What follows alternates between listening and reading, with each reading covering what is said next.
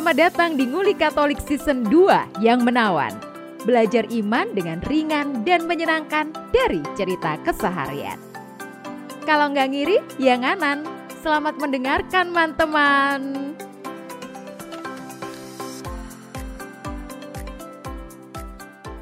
Jadi kemarin itu ini beritanya 15 Januari Paus Fransiskus itu kedapatan tanda kutip masuk ke toko kaset di Roma. tertangkap basah. Iya, tertangkap basah kedapatan. Oh, ngapain ke sini? Aku itu awalnya mengira ini ya berita biasa gitu. Ternyata dari jawabannya Paus itu setelah diwawancarai mengatakan ini ya nasib buruknya dalam tanda kutip gitu sehingga berita itu viral. ternyata di balik itu adalah eh, Paus disebut melanggar protokol keamanan untuk perlindungan dirinya sendiri. Waduh, aku kira ketika baca berita ini yang bakalan dihukum itu pengawalnya. Ternyata dia bilang dia yang melanggar. Berarti pausnya yang dihukum Iya, ya. ayo paus nih yang salah nih, disetrap, mesti disetrap nih. Denda dosanya apa ini? Dia nanti mengaku dosa sama kardinal ya, kardinal yang jadi timnya dia ya. Wah. Jadi kayak-. Kayak sebuah tindakan yang dianggap keteledoran gitu. Hmm. Padahal kalau baca judulnya, Dia emang sengaja ya. iya dia sengaja masuk gitu. Terus ada dua versi dia beli CD, membeli rekaman musik klasik. Ada yang bilang itu tokonya temennya, lalu Jadi silaturahmi gitu iya. ya. Tapi ternyata itu sebuah keteledoran. Nah, episode ini kita mau bahas itu seberapa ketat sebenarnya celananya paus. Bukan bukan seberapa ketat protokol keamanan Ini ya Yudit, Yudit, Yudit yang ngomong. kan benar Saya pertanyaan tahu normal yu- itu rumahnya Yudit di mana. Saya tahu nanti kalau ada yang mau nanya ya.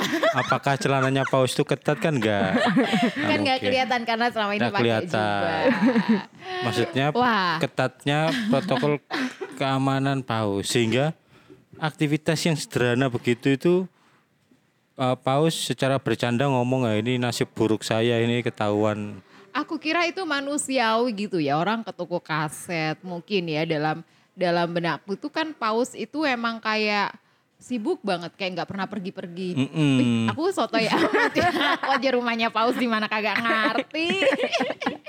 gitu loh. Dan ini malam-malam nggak sih? Eh sebentar.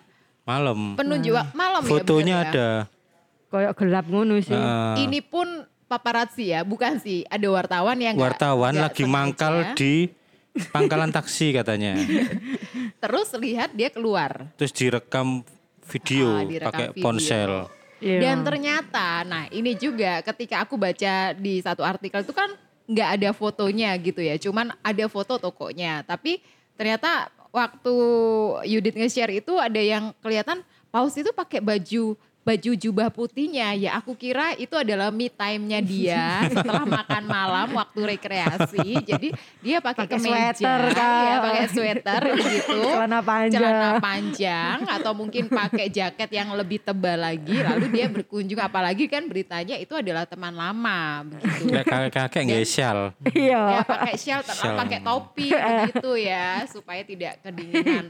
Nah apalagi itu kan pemilik toko kasetnya itu sudah mengenal semenjak dia menjadi kardinal di Argentina. uh, Argentina jadi wah dolen nang omahe koncone ngono lho Ya.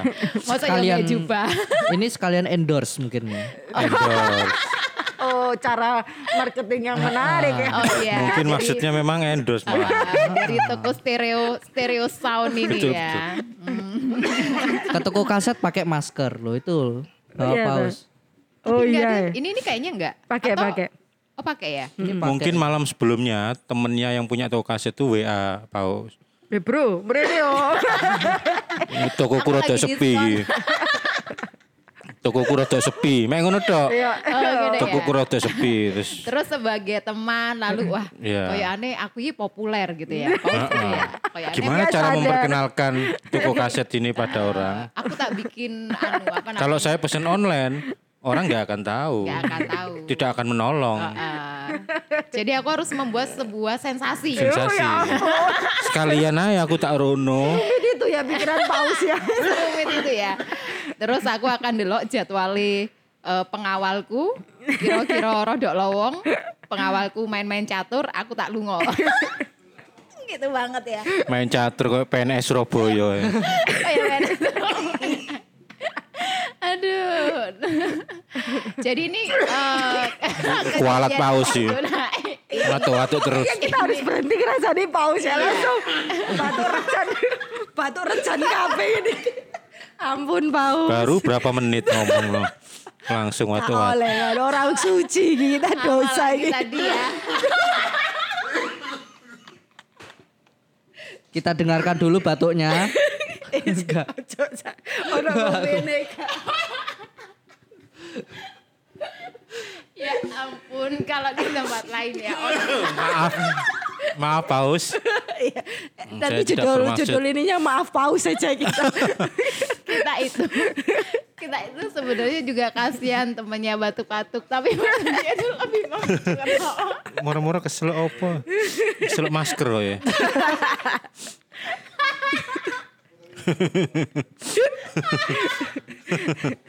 ya ya gini mungkin gini ya orang baik itu nggak boleh dirasan-rasan langsung kita kena azab azab paus. Jadi? Jangan ketawa mulu kita ngobrol. Kalau yang disuruh soroti di beberapa berita itu ya itu ada yang soal kunjungannya ke toko kaset itu ada yang soal eh, protokol kesehatan keamanan itu. Iya. Paus ini berarti hobi musik ya? Eh, ya bisa dibilang Bisa begitu jadi. karena beli dan itu musik klasik ya Iya, iya, di mana tidak semua orang bisa menikmati musik klasik Iya. Brian aja musik dangdut Brian Brian kalau mau ke stereo sound gak ada sih di kesukaan kamu Gak ada Yang happy asmara hanya di pinggir jalan. Eh Asmara. Kalau setahu kalau Paus Benedictus 16 kan memang dia bisa main musik toh, piano apa dan penikmat segala macam. Kalau yang Paus Fransiskus kurang tahu. Aku tapi pernah lihat filmnya sih dia kayaknya cuma dengerin toh ya. Hmm, gitu Eh, gitu siapa? Yang Yang, sekarang, Two? Pops itu loh, film Two Pops itu nggak salah kan Iya. sama Paus Fransiskus kan ya. Ya. Heeh. Ini tapi gini ya, kan ini tokonya di Roma nih dan paus ini pakai baju putih, yang emang paus banget gitu loh. siap siap kan nggak ada orang di Vatikan No atau one. di Roma yang pakai baju kayak gitu. Iya. Nih dia itu kan bukan ngilang dari rumahnya terus muncul tiba-tiba di stereo sound kan. Nah Iya, iya. perjalanan itu itu orang nggak eh pop ke mana pop pop Loh, ke mana di gitu. sana sudah biasa melihat paus riwa-riwi Oh, kan gitu ya? Iya kan iya kali ya aku. Iya, sih. iya Ya, kalau di logika biasa sih iya. Ah, sih. iya Oh iya sih. Kayak gitu kita ya. biasa ngeliat Tapi- Monsinyur mondar mandir ke mana. Bayangkan sak Surabaya iki Katolik kabeh. Iya toh. Oh iya iya iya iya. Bayangkan sak Surabaya iki. Wah gitu Ah, ya. ah. Aku aku merasa itu wah karena aku belum pernah Belum tinggal pernah. di yang semuanya Katolik gitu ya. Betul. Sak Surabaya Katolik Dan- kabeh terus Yo. uskup melaku-melaku Mm, pakai jubah. pakai jubah Iya. dan mobilnya kan bisa dikenali. Oh iki mobilnya paus yo orang sana biasa. Yo, pikir yo paling tekon di apa ngunjungi Ah, sapa umat siapa atau habis dari Oh iya ya. ke mana gitu. Oh aku aja yang lebay mikirnya Kalau ya. aku kok rodok flashback flashback yang film Two Pops itu ya kalau nggak salah kan eh nggak tahu mungkin salah ingat juga ya. Eh, di film itu kan kalau nggak salah Paus Fransiskus juga keluar yang beli roti atau beli makanan sendiri itu loh. Oh iya itu Ada mas- masih salah satu kardinal atau? Terus Iya, itu dikasih salah untuk satu pengawal. bukan dia tuh mau beli makanan tapi dia intinya dia beli sendiri gitu dia Ah. lebih memilih untuk semuanya itu dia ngerjain sendiri daripada nyuruh orang kalau nggak salah gitu mungkin ya masih terbawa gitu. terbawa Karena kan- kebiasaan. Iya. Iya, karena waktu di kardi dia jadi kardinal di Argentina itu eh, dia tuh juga digambarkan ke mana-mana naik bis gitu ya. Hmm. Jadi dia juga masak sendiri Iya. dan dia tinggal di pastoran tuh semuanya mandiri Iya. gitu ya. Terus, heh, wis jadi paus iki gitu ya. You have all the privilege. Oh. Oh, wah. privilege itu jangan disebutnya Oh, netizen iya, iya. Twitter lagi lagi sensi salty ya. ya. Oh, oh. Wah, dia privilege miskin. privilege kok miskin ya. Tapi yang dia bilang teledor itu dia menyatakan sendiri ya. Menyatakan Iya, dia- sendiri. oh, game monggo. Karena eh, Iya, standar dia- keamanan ya. Dia merasa berdosa dalam tanda kutip karena mungkin mengkhawatirkan banyak orang gitu. Nah itu yang Ya, ya, ya. yang dia sebut eh, nasib buruk itu maksudnya waduh lek konangan rek gitu loh. Sakjane lek gak perlu konangan ngono ya orang gak akan khawatir gitu. Iya. Maksudnya gini, wah kan wis di anu to paus wis dicepakne apa segala macam gitu. Mbok yo ngikuti alur yang ada gitu loh kan. Saya kan ada yang mungkin komentar kayak Karena gitu. memang yang kelihatan di media, yang selama ini kuliah di media, media cetak atau media elektronik itu Paus emang nggak sendiri, selalu ada eh, pengawalnya berbadan tegap, pakai baju merah, topinya itu ya kayak di kaleng roti tuh. Atau pakai jas Tapi hitam. nek dilihat dari fotonya ini kan dia masih ikut sama mobilnya. Iya, jadi dia turun. Turun dari mobil anti peluru itu. Tetap Terus ada pengawalan tapi Iya. Nggak sebanyak Enggak se biasanya gitu ya kayak. Iya, iya. Ini tuh jadi kayak apa ya, kayak manusiawi banget ya. Apalagi kalau aku Iya. melihat memang wajahnya Paus Franciscus tuh kayak apa ya, kayak lucu, kayak bukan bukan lucu gimana loh, Iya, tahu iya. nggak? Funny Damai, gitu, damai. damai. Damai. Heeh, kalau si sebelumnya Damai ini tapi siapa? Paus Benedictus. Paus Benedictus tuh kan kelihatan tegas, selalu Jerman banget itu. kan kotak kan. Iya, Serius? iya, iya, Padha kotak. kaya wong Batak. iya.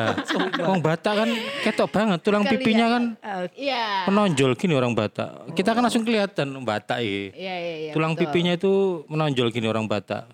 Orang Jerman tuh kotak struktur wajahnya itu. Lalu ditambah si Paus Benedictus itu kan dulu kayak belajar apa ya ahli teologi atau ahli pokoknya ilmu yang serius banget Iya. itulah. Iya, memang dia terkenal sebagai penjaga iman. Apa Hmm. semuanya sih penjaga iman, tapi dalam arti tertentu dia yang bagian kayak cenderung konservatif gitu. Oh iya Kayak konservatif gitu-gitu. gitu, Jadi kayaknya wah ke toko kaset eh, ini pasti habisnya itu aku pikirkan habis makan malam dia pergi ke ke situ. Tapi emang gini ya standar pengawalannya itu ketat banget ya. Sebetulnya bukan karena sok-sokan mau sok-sokan tapi tadi dibilang Yudit apa? Keamanan. Mm-mm. Dia bisa aja yang tahun berapa tuh dijaga segitu aja ada yang nembak ya.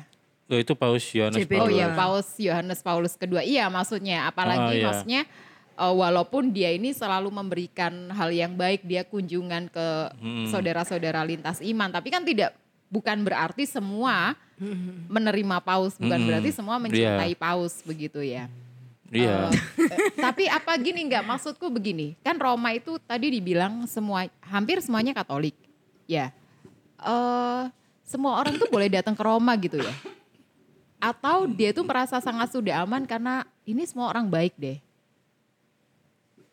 Ya. ya yang mana? Gak ada yang jawab karena Ya emang pada enggak. belum pernah ke Roma semua ya, pada belum pernah ke Vatikan semua ya. Kamu pernahnya ke mana? Belajar ilmu ke negeri Madiun. Barang. ya baru sampai Madiun. Gimana? Eh, aku Pertanyaan bingung pertanyaannya sih lebih Iya, cepat. semua orang boleh ke Roma. Iya, Ya. Ya, maksudnya boleh sih, loh. aku. eh, kan dia ini dibilang aku ini seperti teledor terhadap keamananku gitu loh. Eh, kayak apa? Kan itu adalah daerah kawasan yang inklusif ya. Oh. Gitu loh. Apa inklusif atau eksklusif ya sebenarnya? Yang Inklusif, ya udah iya, terbuka. kan homogen Iya. tapi homogen gitu loh.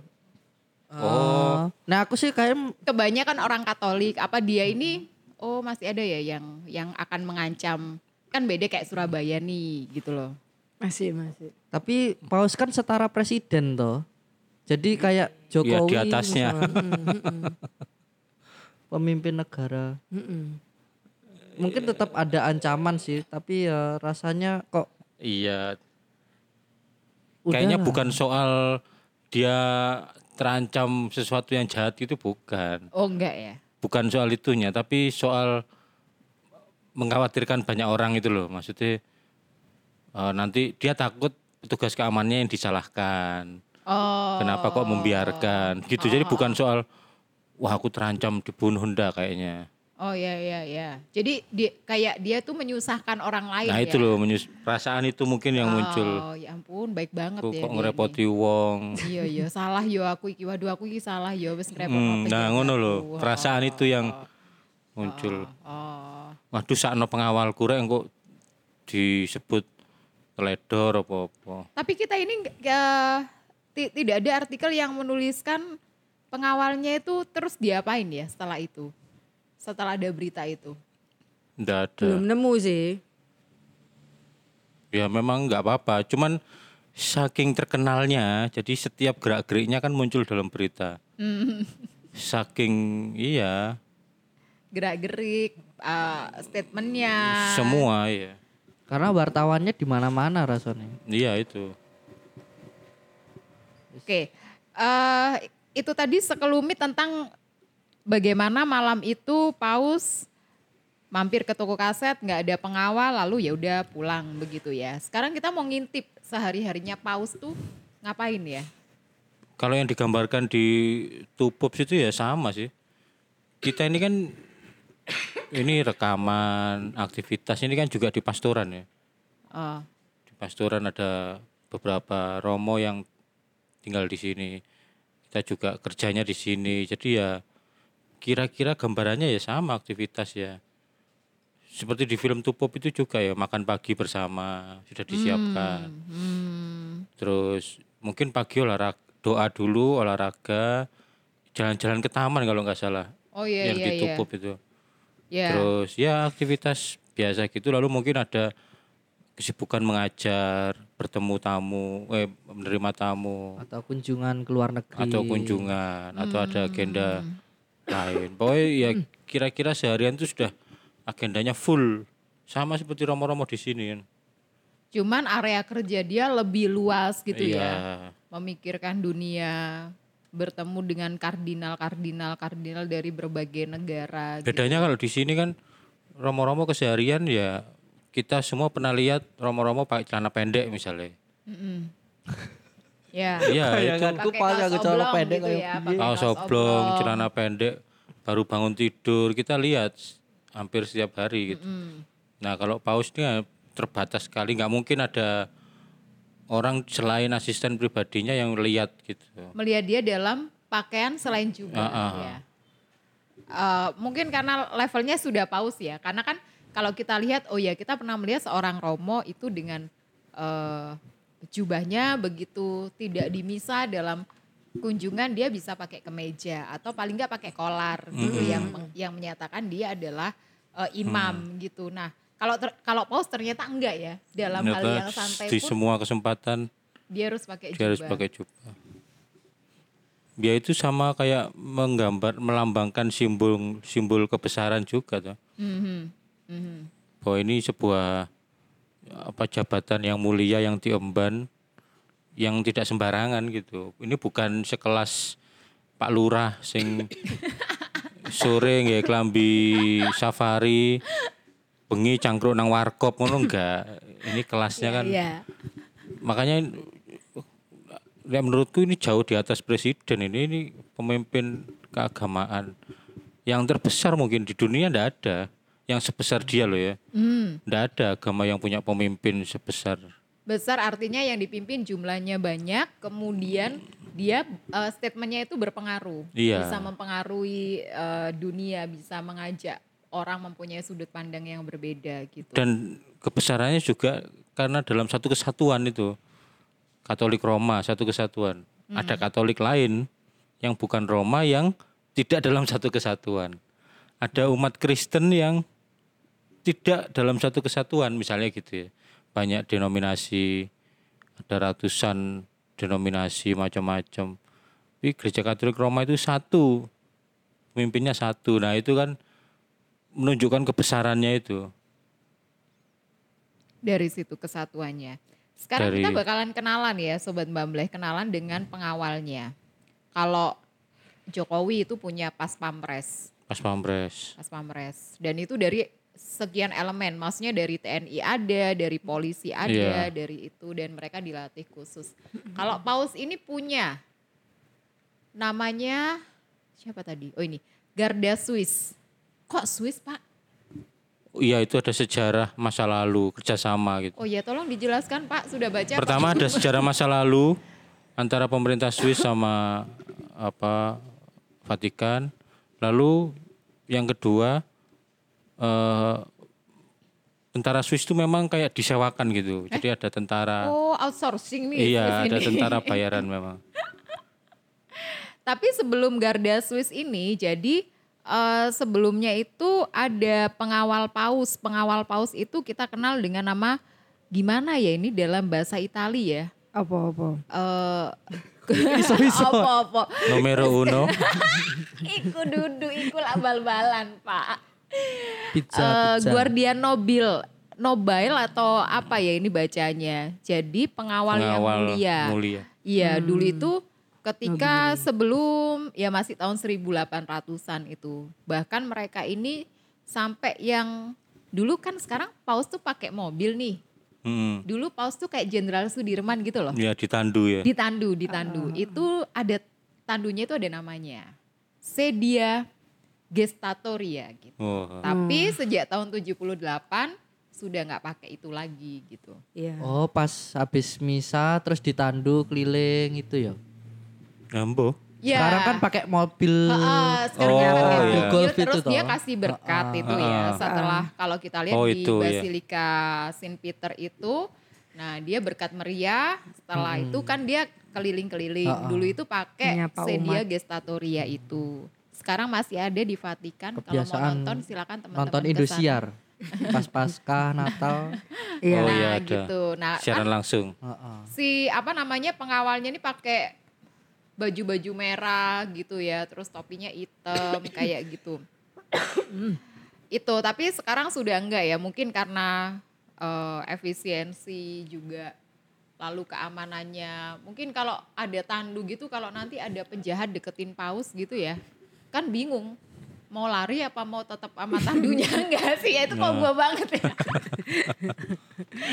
Maksudnya kalau dia naik mobil tuh langsung gas gas gas gitu loh. Misalnya gitu. Kamu membayangkan apa? Nah setelah itu sejak tahun Chill, itu pausnya chill, pausnya. sejak tahun berapa tadi aku sampai lupa itu berganti jadi Garda Swiss itu yang eh, teman-teman bisa melihat dia nampak juga ada di mungkin malah teman-teman yang dengerin ini udah pernah ke Vatikan ya Bisa jadi. bisa jadi Ada beberapa yang udah pernah ke sana. Eh, itu mereka nggak gerak loh Hah? Iya. Bernafas, si Garda bernafas. Swiss itu Terus ngapain? itu ada Iya. itu itu coba ada film apa ya yang pernah aku tonton Mr. Bean. berdiri aja ya. bukan Wah, mungkin Mr. Bean masuk Garda Swiss, mungkin ini Yang yang pernah kita pengawalnya itu. kerajaan Inggris. Iya. apa sih mungkin Beato Giovanni mungkin ya Oh, itu ada scene di mana eh, dia itu ber- bertanya dia lagi jalan pagi pakai eh, di musim dingin. Terus pakai begitu.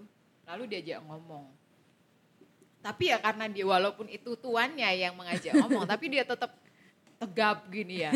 Buset ini 6 jam berdiri. Gini nggak kram tuh kaki. Ya tapi mungkin udah terlatih ya. Iya, perlu proses yang apa yang nggak gampang untuk kalau mau gabung jadi Garda Swiss. iya. Bahkan dulu itu si eh, Noble apa ya dulu aku ini nggak bisa bahasa Itali itulah. Yang pengawal yang mulia itu dulu mereka itu kayak abdi dalam gitu loh, sukarelawan. Mm. nggak dibayar, nggak Ya, dibayar. kayak di Jogja, di keraton. Eh, kayak gitu. Di cuman diberi tunjangan, tapi semakin ke sini ya mereka digaji Profesional ya. profesional gitu. Karena Kan basisnya itu tadi ya. tentara memang, militer. Oh itu tentara ya. Iya, Jadi angkatan kalau bersenjata. sewaktu-waktu ada apa itu ya mereka bisa Iya, sat set sat set gitu. Ah, dibekali keterampilan ya yang dibutuhkan sebagai seorang pengawal sih. Loh, militer tapi senjatanya tombak. Pedang, pedang doang. Cuma Oh pasti iya ada pistol tuh juga gak di ngerti, nang bokongnya tertentu. ono Oh iya. Bokong.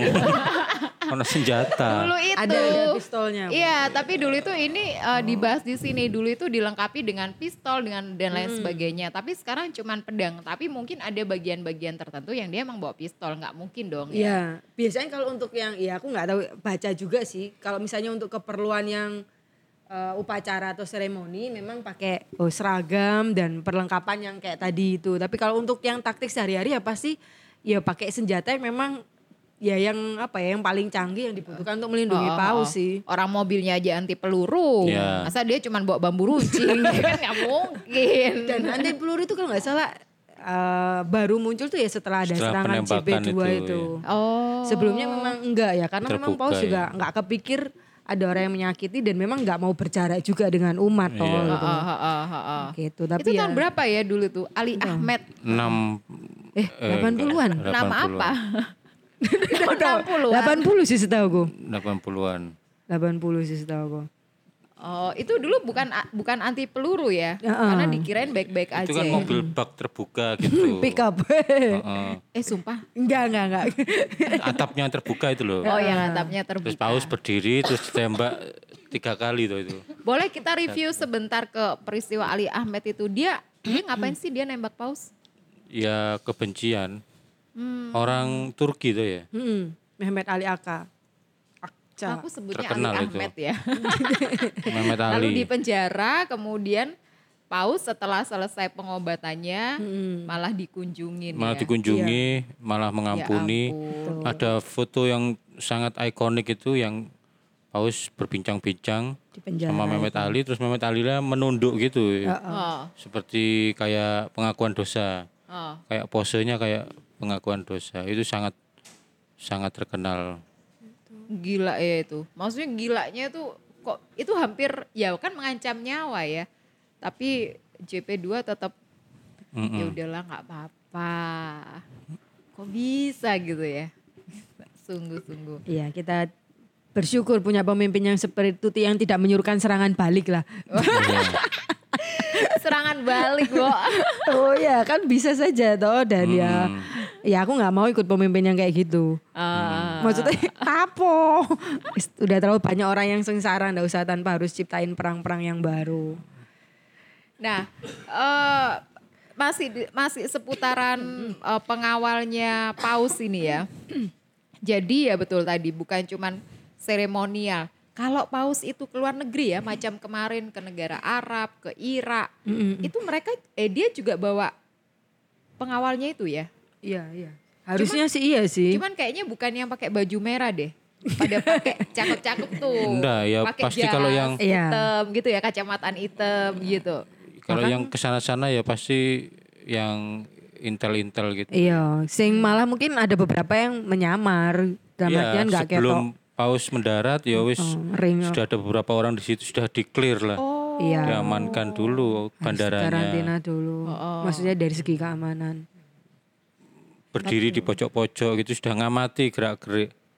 Orang-orang itu kan sudah intel kan sudah terlatih. Orang yang mau melakukan kejahatan itu kan gerak-geriknya kelihatan tuh. Gugup, Oh. terus tegang, raut mukanya tegang itu diamati tok ono wis ketok iki. Tapi gitu tuh pos di briefing dulu nggak ya? Ya iyalah ya. Gitu. Iya, mau iya, nanya briefing. Maksudnya gini loh, paus nih kita mau keluar negeri ya. Ah, iyalah.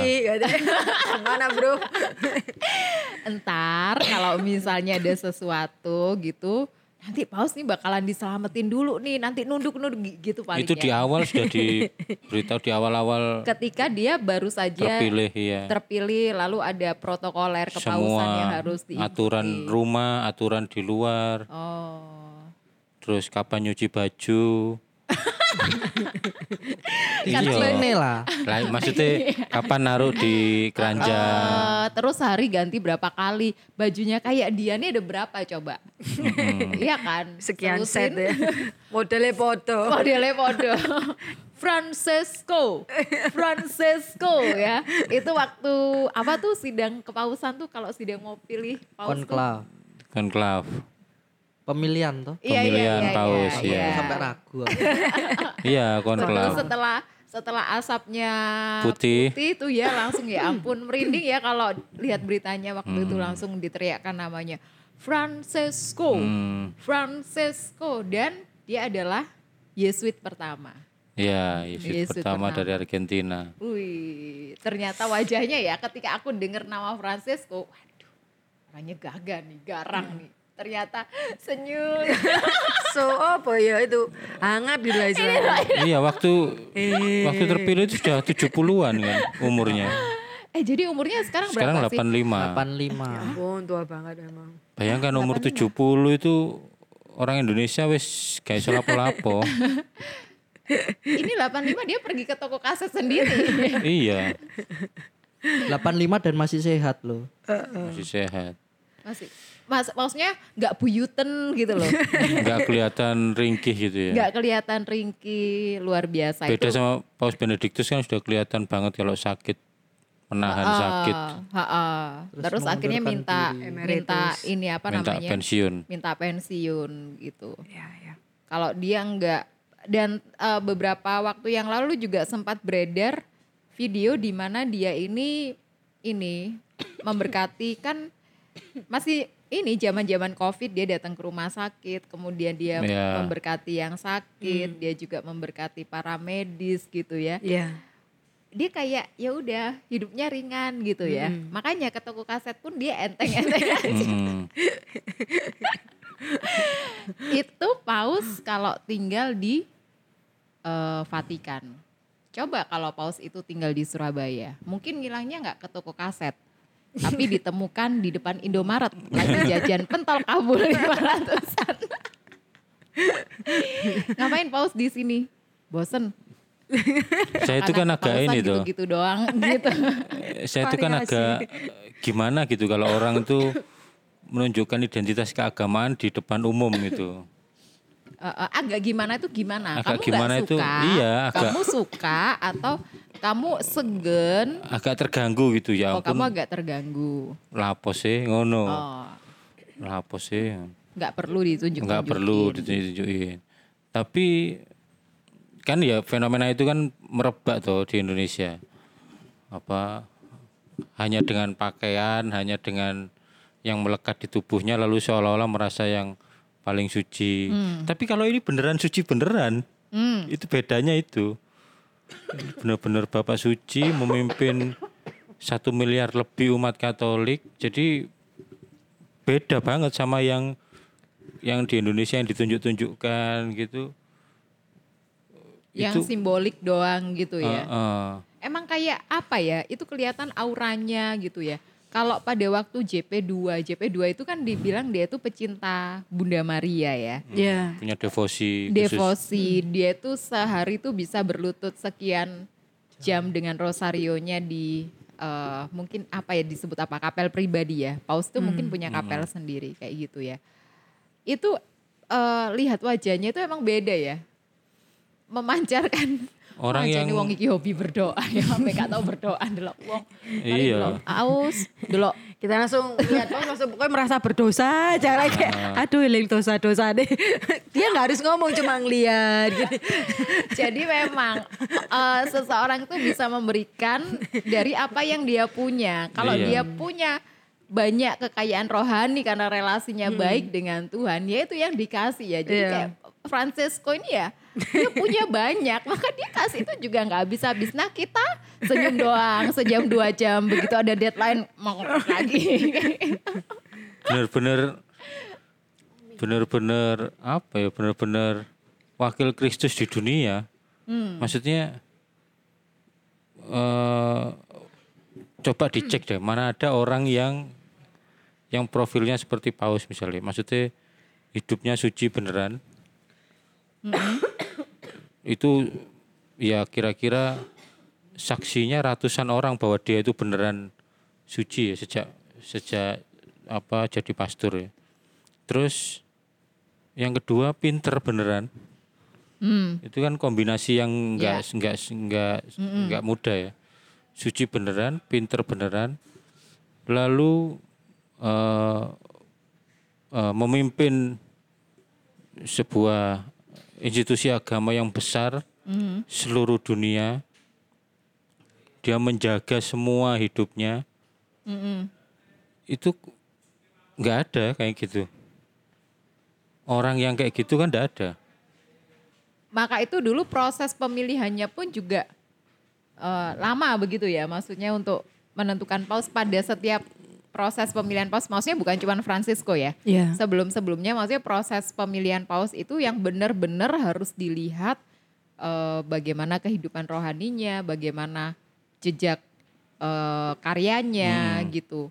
Bukan yang ujuk-ujuk begitu bahwa Francisco yang kemudian menjadi paus itu bukan ya wis lah ike, wong wong api, tapi pasti dilihat dari semua yang dia sudah kerjakan. Ya sejak sejak dia jadi kardinal itu kan. Di Buenos Aires itu Di, ya. ya semua kardinal kan punya hak untuk dipilih jadi paus seluruh Hmm. kardinal seluruh dunia jadi ya sejak itu mulai ditimbang-timbang tuh mana ini yang Hmm, kira-kira yang pantas Wah, Eh, ini satu kebanggaan Oh bagi iya, kita sangat bangga. sebenarnya sebagai orang Katolik. Eh, tapi benar ya, hanya Katolik yang punya pemimpin. Iya.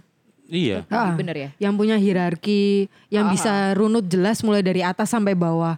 Sampai ke ketua lingkungan istilahnya itu ya cuma kita gitu loh. Mulai dari tertinggi yaitu paus, Heeh. terus lintas negara, lintas benua apa segala macam kan ada kardinal, para uskup, terus romo-romo sampai ya itu tadi ketua lingkungan-ketua lingkungan itu juga kalau Tapi Pa- Paus ini benar Paul, ya? eh, Paus adalah pemimpin Katolik Roma ya. Iya. Jadi kalau ada Katolik lain eh, Pemimpinnya itu lain. macam Katolik Ortodok, Ortodok pun ada yang- Katolik ah. Anglikan. punya gitu. paus sendiri-sendiri Iya. Oke. Inggris kan punya pemimpinnya Pemimpin ya Iya, sendiri. heeh. itu di Jakarta ada kok gereja Katolik Anglikan. Heeh. Heeh, tapi tidak besar, maksudnya secara populasinya tidak Iya. besar ya. Iya. Oke.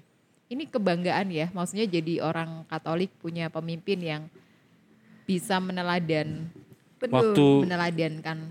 Santo Yohanes Paulus II meninggal itu paus eh, pemimpin dunia yang hadir itu paling banyak Iya. yang me- melayat paus Oh ya? tidak ada pemimpin agama lain yang ketika meninggal dikunjungi sebanyak itu Oh. pemimpin negara Iya. Dia ya berkarya 25 tahun lebih kan kalau nggak salah ya. Lama sekian lama terus ya memperjuangkan perdamaian di banyak tempat. Oh. Awal-awal kalau baca sih awal-awal yang kayak komunisme apa segala macam kayak gitu-gitu. Jadi Iya. itu yang membuat ya dikenang Dia sebagai menjalin pejuang relasi perdamaian. dengan banyak negara juga untuk kemanusiaan gitu ya. Jadi orang pemimpin yang dari berbagai macam apa istilahnya mungkin geng bukan geng lah ya kelompok lah ya. Jadi semuanya datang di satu tempat Iya, gitu loh. Nggak semua cuma yang ideologi Ha-ha, semua ideologi macam. lintas negara semua datang dan saya bangga punya agama yang punya pemimpin yang jelas gitu loh iki jelas suci iki Iya. Jelas ya. Iya, jelas. apa? Ya, ya. nggak mungkin mempertaruhkan reputasi agama yang sudah 2000 tahun umurnya dipercayakan pada orang yang nggak jelas gitu. Hmm. dan apa ya banyak hal lah Eh, misalnya kita kan mesti satu suara terhadap satu hal misalnya ya atau punya satu eh ya itu satu suara satu nilai gitu dan paus kan ya itu tadi kalau misalnya dulu JP2 ya nggak mungkin sih ya tapi ya menyuruhkan kayak ada serangan Ah. balik apa segala macam kan Oh. selama ini mesti track record kita adalah track record kasih pernah. Mengampuni. damai kasih mengampuni kayak gitu itu yang membuat kayak ya kita benar gitu loh ikut Hmm. ikut si paus ini gitu loh. Emang dia benar wakil Kristus di dunia gitu loh. Gus Dur tuh pernah ngomong, saya itu di dunia itu yang takut cuman dua, militer sama gereja Katolik. Woi. Karena Kenapa dia strukturnya gitu? Oh. Jelas. paling jelas. Iso dilacak lah misalnya aneh-aneh. Hmm. Apa diomong? Dan itu dicontohkan ya, ta- tapi memang mungkin itu adalah amanahnya dari gereja Katolik. Maksudnya Paus itu menjalin relasi dengan semua kalangan, dengan semua agama Iya. gitu ya. Untuk kemanusiaan. Kita mungkin melihat juga para imam kita eh, di paroki itu juga eh, romo kepala paroki menjalin dengan baik dengan bupati, dengan RT RW juga baik. Tidak pernah ada yang menolak pembangunan rumah ibadah lain, meskipun dia di daerah mayoritas misalnya. Ya. Romo di NTT misalnya, Heeh. yang mayoritas Katolik, kami menolak pembangunan rumah ibadah lain. Oh Tidak iya, ada. nggak pernah. Ya. Menyerukan Sebagai halnya kayak pemuka gitu. agama ya, Sebagai tidak pemuka ada agama, agama ada. Katolik yang Iya. menyerukan untuk menolak ya eksistensi agama lain di Atau daerah. menghina agama lain dalam khotbah, tidak ada. Enggak. Hmm. Ada, tidak mungkin. Karena itu yang diteladankan pemimpin ya. Iya itu ya itu namanya apostolik itu langsung dari Yesus Kristus para rasul dan Mhm. Walaupun memang maksudnya gini, eh, aku pernah ditanya nih, Paus, kan dia juga manusia, Vera. Maksudnya teman agama Iya. lain. Iya. Oh iya, Harus manusia gitu. Nah, Iya. mungkin memilih tanaman atau atau dari jenis spesies lain menjadi pemimpin kita agak susah sih kayak gini ya bahasanya. kalau kalian googling ya, mungkin teman-teman googling Paus, P A U S, ntar yang keluar apa? Paus, Paus biru. biru. haus terdampar di pantai. Kasihan. paus total putih kayak gitu. Enggak sih kan gitu ya. Loh itu kan manusia Vera gitu. Kamu kamu percayai gitu ya. Kamu percayai gitu. Dalam arti meragukan bahwa lu ngapain percaya yang sesama manusia? Iya manusia itu masih ap- dalam arti kan terdiri atas daging dengan ini. Terus kamu ngapain mem- jadi aku dipertanya, dipertanyakan tentang kok kamu ini kayak mengkultuskan gitu ya memuja-muja kayak gitu kan itu tetap manusia gitu oh iya tapi teladannya baik yang diajarkan itu sesuai dengan apa yang diamanatkan oleh Yesus Heeh. Betul. gitu nggak pernah ngomong kasar di mimbar, Hmm. nggak perlu ngomong teriak-teriak. Gak memprovokasi yang aneh-aneh kecuali provokasi cinta, kasih. dan Orang le dan di mimbar ngomongnya teriak-teriak itu karena kalau ngomong pelan nggak didengar. gitu ta Iya. Maksudnya nggak dipercaya. oh Ngomong Oh, gitu. pakai teriak-teriak itu karena kalau dia ngomong pelan tuh orang nggak percaya. dan Padahal romo-romo kita itu ya itu lembut. iya Kalau dengar video-video, potongan videonya Paus ini, Paus Fransiskus misalnya audiensi gitu ya kan. Aha. Kadang dia pesan-pesannya tuh bukan bahasa yang suci, apa ya, bukan suci, apa ya, muluk-muluk atau rumit gitu loh. Ah. Ya, apalagi yang beberapa kali kan sempat ada video yang dia pas lagi audiensi atau apa ketemu apa gitu ada anak-anak kecil yang di sekitarnya Iya, dia. iya Eh, pesan-pesannya cuma kayak misalnya ya ampunilah, ap- kayak ada permasalahan apa itu kayak ya pesannya itu sederhana tapi mengena gitu loh. Iya, Dan selalu kayak, dengan kayak, kayak dia nggak pernah marah. Ada yang beredar video waktu itu anak berkebutuhan khusus. Iya. Dia datang lalu dia pengen ambil topinya Iya. paus gitu ya. Terus kardinal di sekitarnya atau pengawalnya itu gimana ya? Mungkin juga udah briefing ya. Udah ya nanti kalau gue lagi audiensi, kalau ada anak udah nggak usah diambil pusing. Mungkin kayak gitu kali ya. yang paling terenyuh itu aku inget waktu ada eh, seorang anak ya ini audiensi dia bertanya pada paus bapaknya baru Ayahnya. saja meninggal Iya. dan bapaknya tidak percaya Tuhan Iya. begitu apakah masuk surga atau Oh, tidak dan dia Oh. tanya sambil nangis gitu. Maksudnya dan dia kan jawabnya juga bukan ya menurut dokumen ini enggak. Dia kayak enggak ya benar. Tetap pakai analogi yang sederhana atau gitu. Heeh.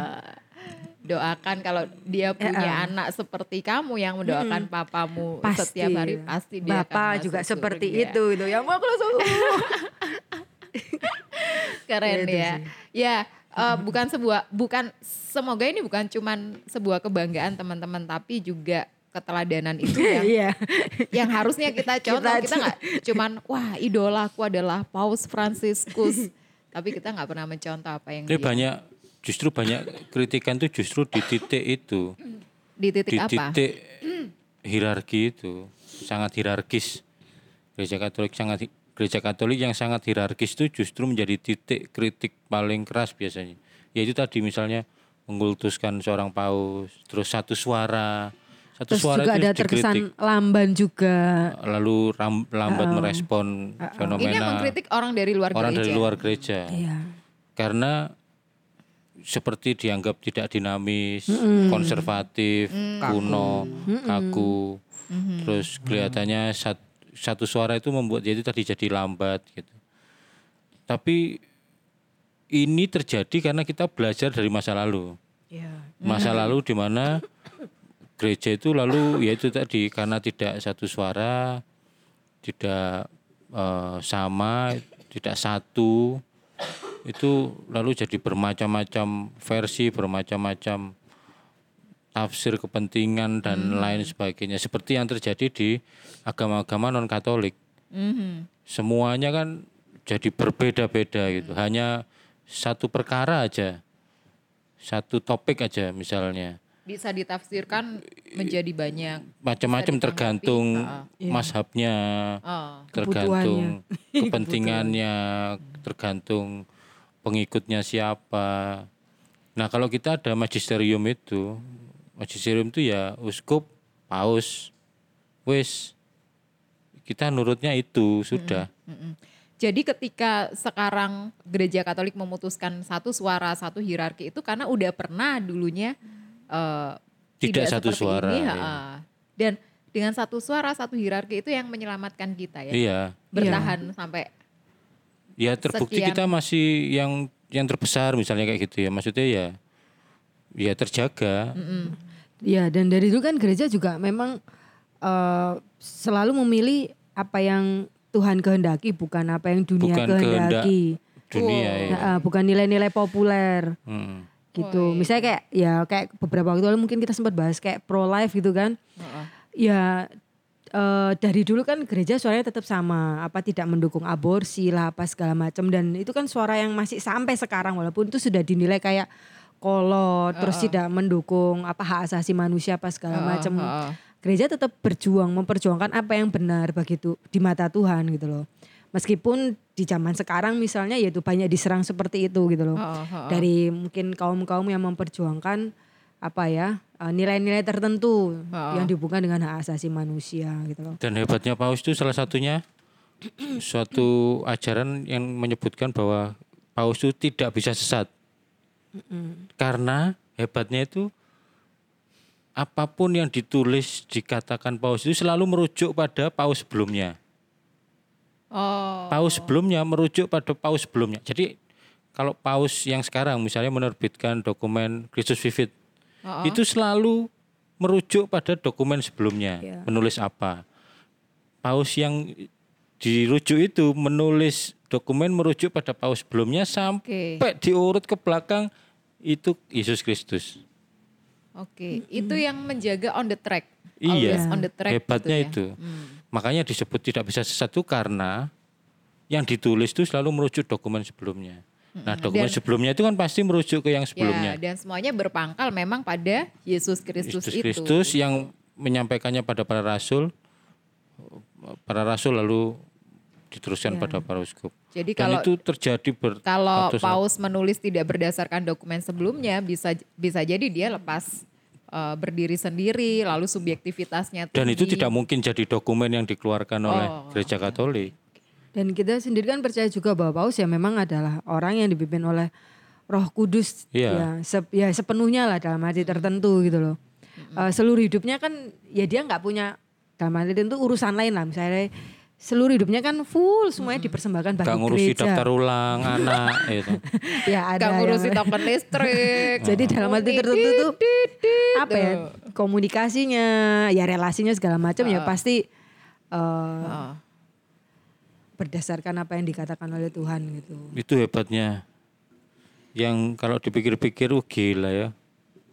Betapa Iya. Dan itu terjaganya. betapa terjaganya dan kita sebagai umatnya juga harus menjaga dengan selalu mendoakan. Ya. mendoakan paus kan selalu tuh kalau ada adorasi atau apa gitu kemudian kalau itu tuh hari raya apa ya kalau doa umat meriah tuh Pasca ya. Oh ya Jumat. Agung. Oh, Jumat, Jumat Agung, Agung. Jumat itu kan ada ya untuk paus dan pengganti penggantinya gitu. Wih Iya. ancene abot ya udah di paus iku ya. jadi harus didoakan. Imam aja ada doanya ya doa untuk para imam. Lalu Sabtu pertama di Ya, eh, Senakel, iya. diapakan ya itu? Didedikasikan untuk Ha, berdoa. Apa meneh paus imam. ya? Ya kita beruntung hidup di zaman sekarang di mana ya itu tadi sudah stabil, sudah tidak banyak terjadi apa penyimpangan-penyimpangan. Oh, Dulu kan masih wah macam-macam. ya dan dan sekarang tuh masih masih sering diungkit lah maksudnya Oh ya masa-masa ya, masa-masa kegelapan dulu. kegelapannya gereja itu juga masih masih diungkit oleh eh, orang di seberang oh, Iya. orang di seberang itu ya Makanya kita yang di Surabaya kan juga arah dasarnya itu kan dewasa dalam iman itu. Jadi kalau bisa semakin dewasa, semakin dewasa, semakin dewasa. Semakin nggak kekanak-kanakan gitu loh. Hmm. Lek ono koncone bangun iri kekanak-kanak. Ini paus ini tuh masa tahtanya tuh sampai umur berapa ya? Atau sampai dia meninggal dunia? Ha-ha. Iya, sampai dunia meninggal. ya? sampai ada. akhir. Atau kalau dia mengajukan Mbok kira Pak Lurah ono periode Iya. SK. ya ya, aku ini habis nanya terus inget kan JP2 juga sampai dia meninggal Iya. ya. Ya, sebelumnya juga Sebelumnya Oh, sebelumnya sebelum JP2. sebelumnya. Siapa sebelum JP2? Soalnya yang ada. Lupa. Petrus kan juga sampai mati toh. ya Ya, sampai Oh iya. salib lah. terbalik. Oh iya iya iya iya. Paus pertama Paus ya. pertama. Petrus. Apa? Priska mau ngomong apa? lali besar. Nanti kan. Kecuali Paus Benediktus yang mengajukan pensiun. Ya, pensiun kecuali itu. Eh, waktu itu kan juga waktu Paus Benediktus apa mengajukan pensiun itu kan akhirnya muncul banyak artikel bahwa hanya berapa tok berapa ya tiga atau dua ya pokoknya hanya sedikit banget paus yang mengajukan pensiun dini Ah, itu ah, ah. pensiun dini gitu sih Waktu itu aku dia. mikir ya Tuhan mati ki. Maksudnya waktu pensiun Mungkin ya, Mungkin sebentar lagi mati. Ternyata gitu. sesuai Enggak loh. ya. Sekarang Ya dia ampun. ngapain sih? Paus Benediktus itu.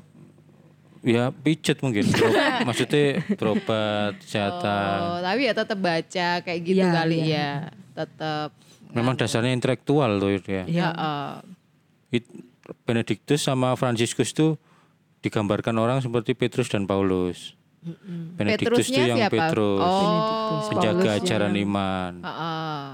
Paulus tuh yang turun ke jalan-jalan. mewartakan ya. Oh, iya iya. Misionaris. Orang pas konsili pertama kan juga eh, apa yang dibahas kan yaitu sunat apa enggak atau antara Petrus dengan Paulus. Oh iya. Petrusnya Ada di kitab suci. nggak setuju. Ya eh, pengikut-pengikut yang lain atau rasul atau ya istilahnya orang-orang yang lain itu mengatakan bahwa kalau pengikut Kristus itu harus sunat gitu loh. Hmm. Itu yang Paulus. Eh, bukan, itu yang Petrus. Petrus. Eh, terus yang Paulus kan ngomong loh, ikut Yesus itu kan bukan cuma untuk orang Yahudi toh, tapi untuk semuanya. Lah, sunat apa enggak itu kan eh, apa caranya Yahudi. orang Yahudi.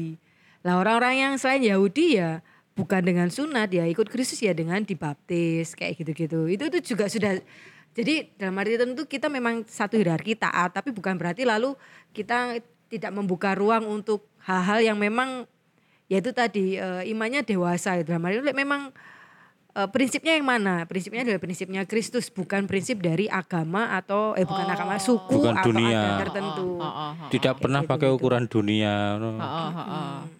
Mengikuti Kristus adalah dibaptis. Ya, baptis. Ukurannya bukan disunat apa enggak. Iya. Itu Yahudi. Ha-ha. Jadi sunat itu budaya Yahudi. Ya, kalau menurut yang Orang Indonesia tuh ngikutin budaya Yahudi. Dulu. di perjanjian lama kan gitu toh Peradaban perjanjiannya. pertama kan dulu di Timur Tengah Tanda gitu kan. perjanjiannya Oh, kan iya. gitu. Lalu kan berkembang medis kan. Yesus tuh ya orang Yahudi ya. Iya. Kita ini berkembang. orang Yahudi. oh enggak, kita campur di sini. kita beda, kita jauh Flores, bukan Yahudi. gitu deh obrolan kita eh, edisi ini. Terima kasih teman-teman, semoga menambah wawasan tentang gereja Katolik dan ini kebanggaan untuk kita. Pasti lebih banyak yang tahu banyak tentang tentang paus Iya, ya, tapi soalnya udah ya pernah jalan-jalan ke sana mungkin gitu. ada yang dan cita-citanya semua orang Katolik seluruh dunia itu ketemu paus loh. Iya, eh coba coba kamu kalau ketemu pos kamu mau ngomong apa? Paling nangis paling. Aku pengen peluk si gendut soalnya kan. Susah like melukan ono Iya, ya namanya juga Mengawal. kepengenan. Ya, terus itu kan lihat juga tuh Pak Jonan tuh. Pak Foto. Jonan eh, eh, Pak Jonan kan habis dia nggak jadi menteri tuh, dia sama istrinya ya ampun, dia ini kayak piknik kayak Surabaya ke Jogja gitu kan. dia ya emang Sama mbak-mbak yang ini loh, mbak yang jilbaban ya itu Dewi loh. Oh, iya. Nah, itu juga. Terkenal itu. Beasiswa iya. Apa dialog lintas agama. Terus itu maksudnya itu Pak Jonan tuh ngomong apa ya, Ma? Gue pengen tahu. Kita hadirkan Pak Jona. Ya, tanpa sepengetahuan Vera kita hadirkan Pak Jona. Eh, coba, jadi kamu jadi kamu nggak tahu ya mesti ngomong apa ya Bahkan sama mungkin kelihatan ya? dari jauh aja wis nangis paling. Iya iya, jadi Maksudnya ya Tuhan aku entek akeh iki. Kayak so mulai. Kayak so. maksudnya tuh tiket Tiket pesawat. ambil hotel. Paus, paus.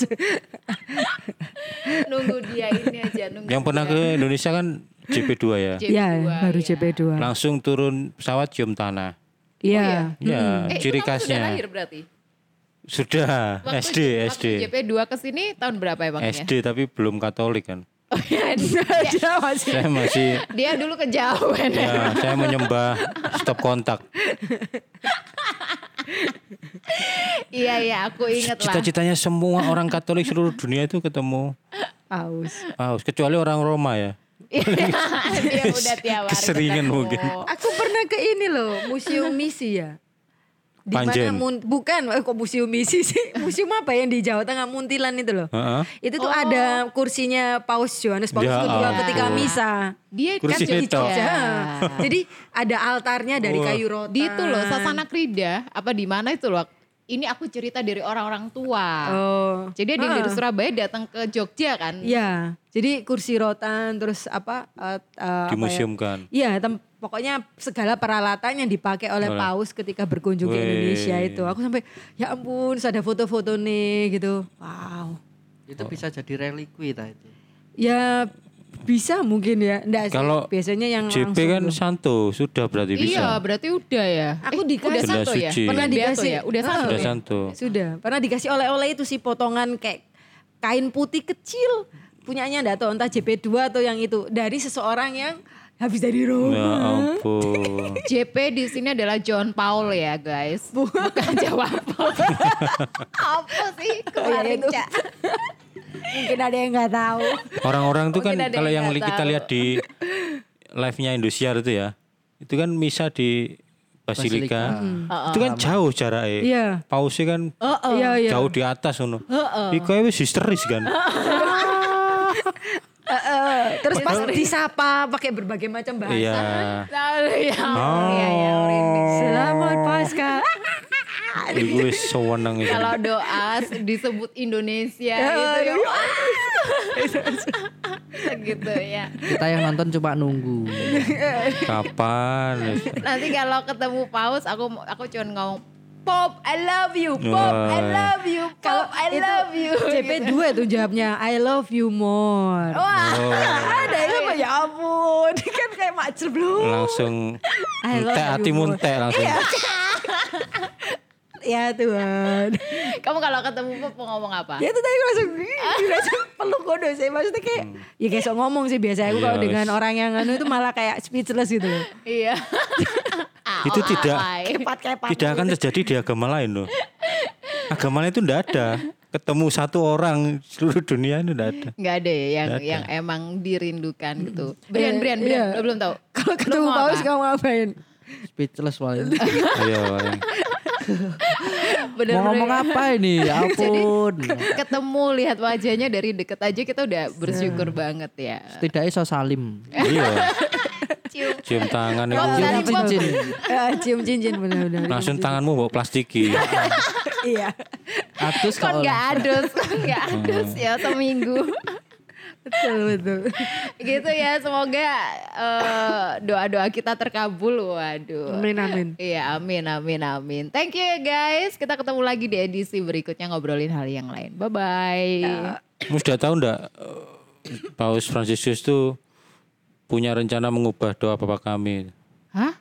Jadi apa? Jadi yang Rezeki itu enggak ada satu kata yang jangan masukkan kami dalam pencobaan. Tapi masukkan kami Nah, menurut Paus itu Tetapi apa? Allah kok Allah kok masukkan dalam pencobaan. Oh, aku nggak tahu. Itu ada wacana itu dan aku sudah memikirkan itu juga. Wih, Bedane Nah, aku sih ngomong, wong nggak percaya. Nah, ikut dok bedane. tapi begitu paus yang ngomong, ah, Orang iya mikir. bener ya, mikir. Mikir Terus juga. berefleksi, oh iya bener ya. Eh, jangan masukkan kami ke dalam pencobaan bahwa Tuhan itu tidak akan melakukan Memasukkan, itu gitu ya. Wah. Waktu aku mau artikel iku aku yo mik, deh aku lah iso mikir iki. Tapi lah tak omong no. Kau naik, kau malah diguyu-guyu. Iku sopo kon. Bye bye.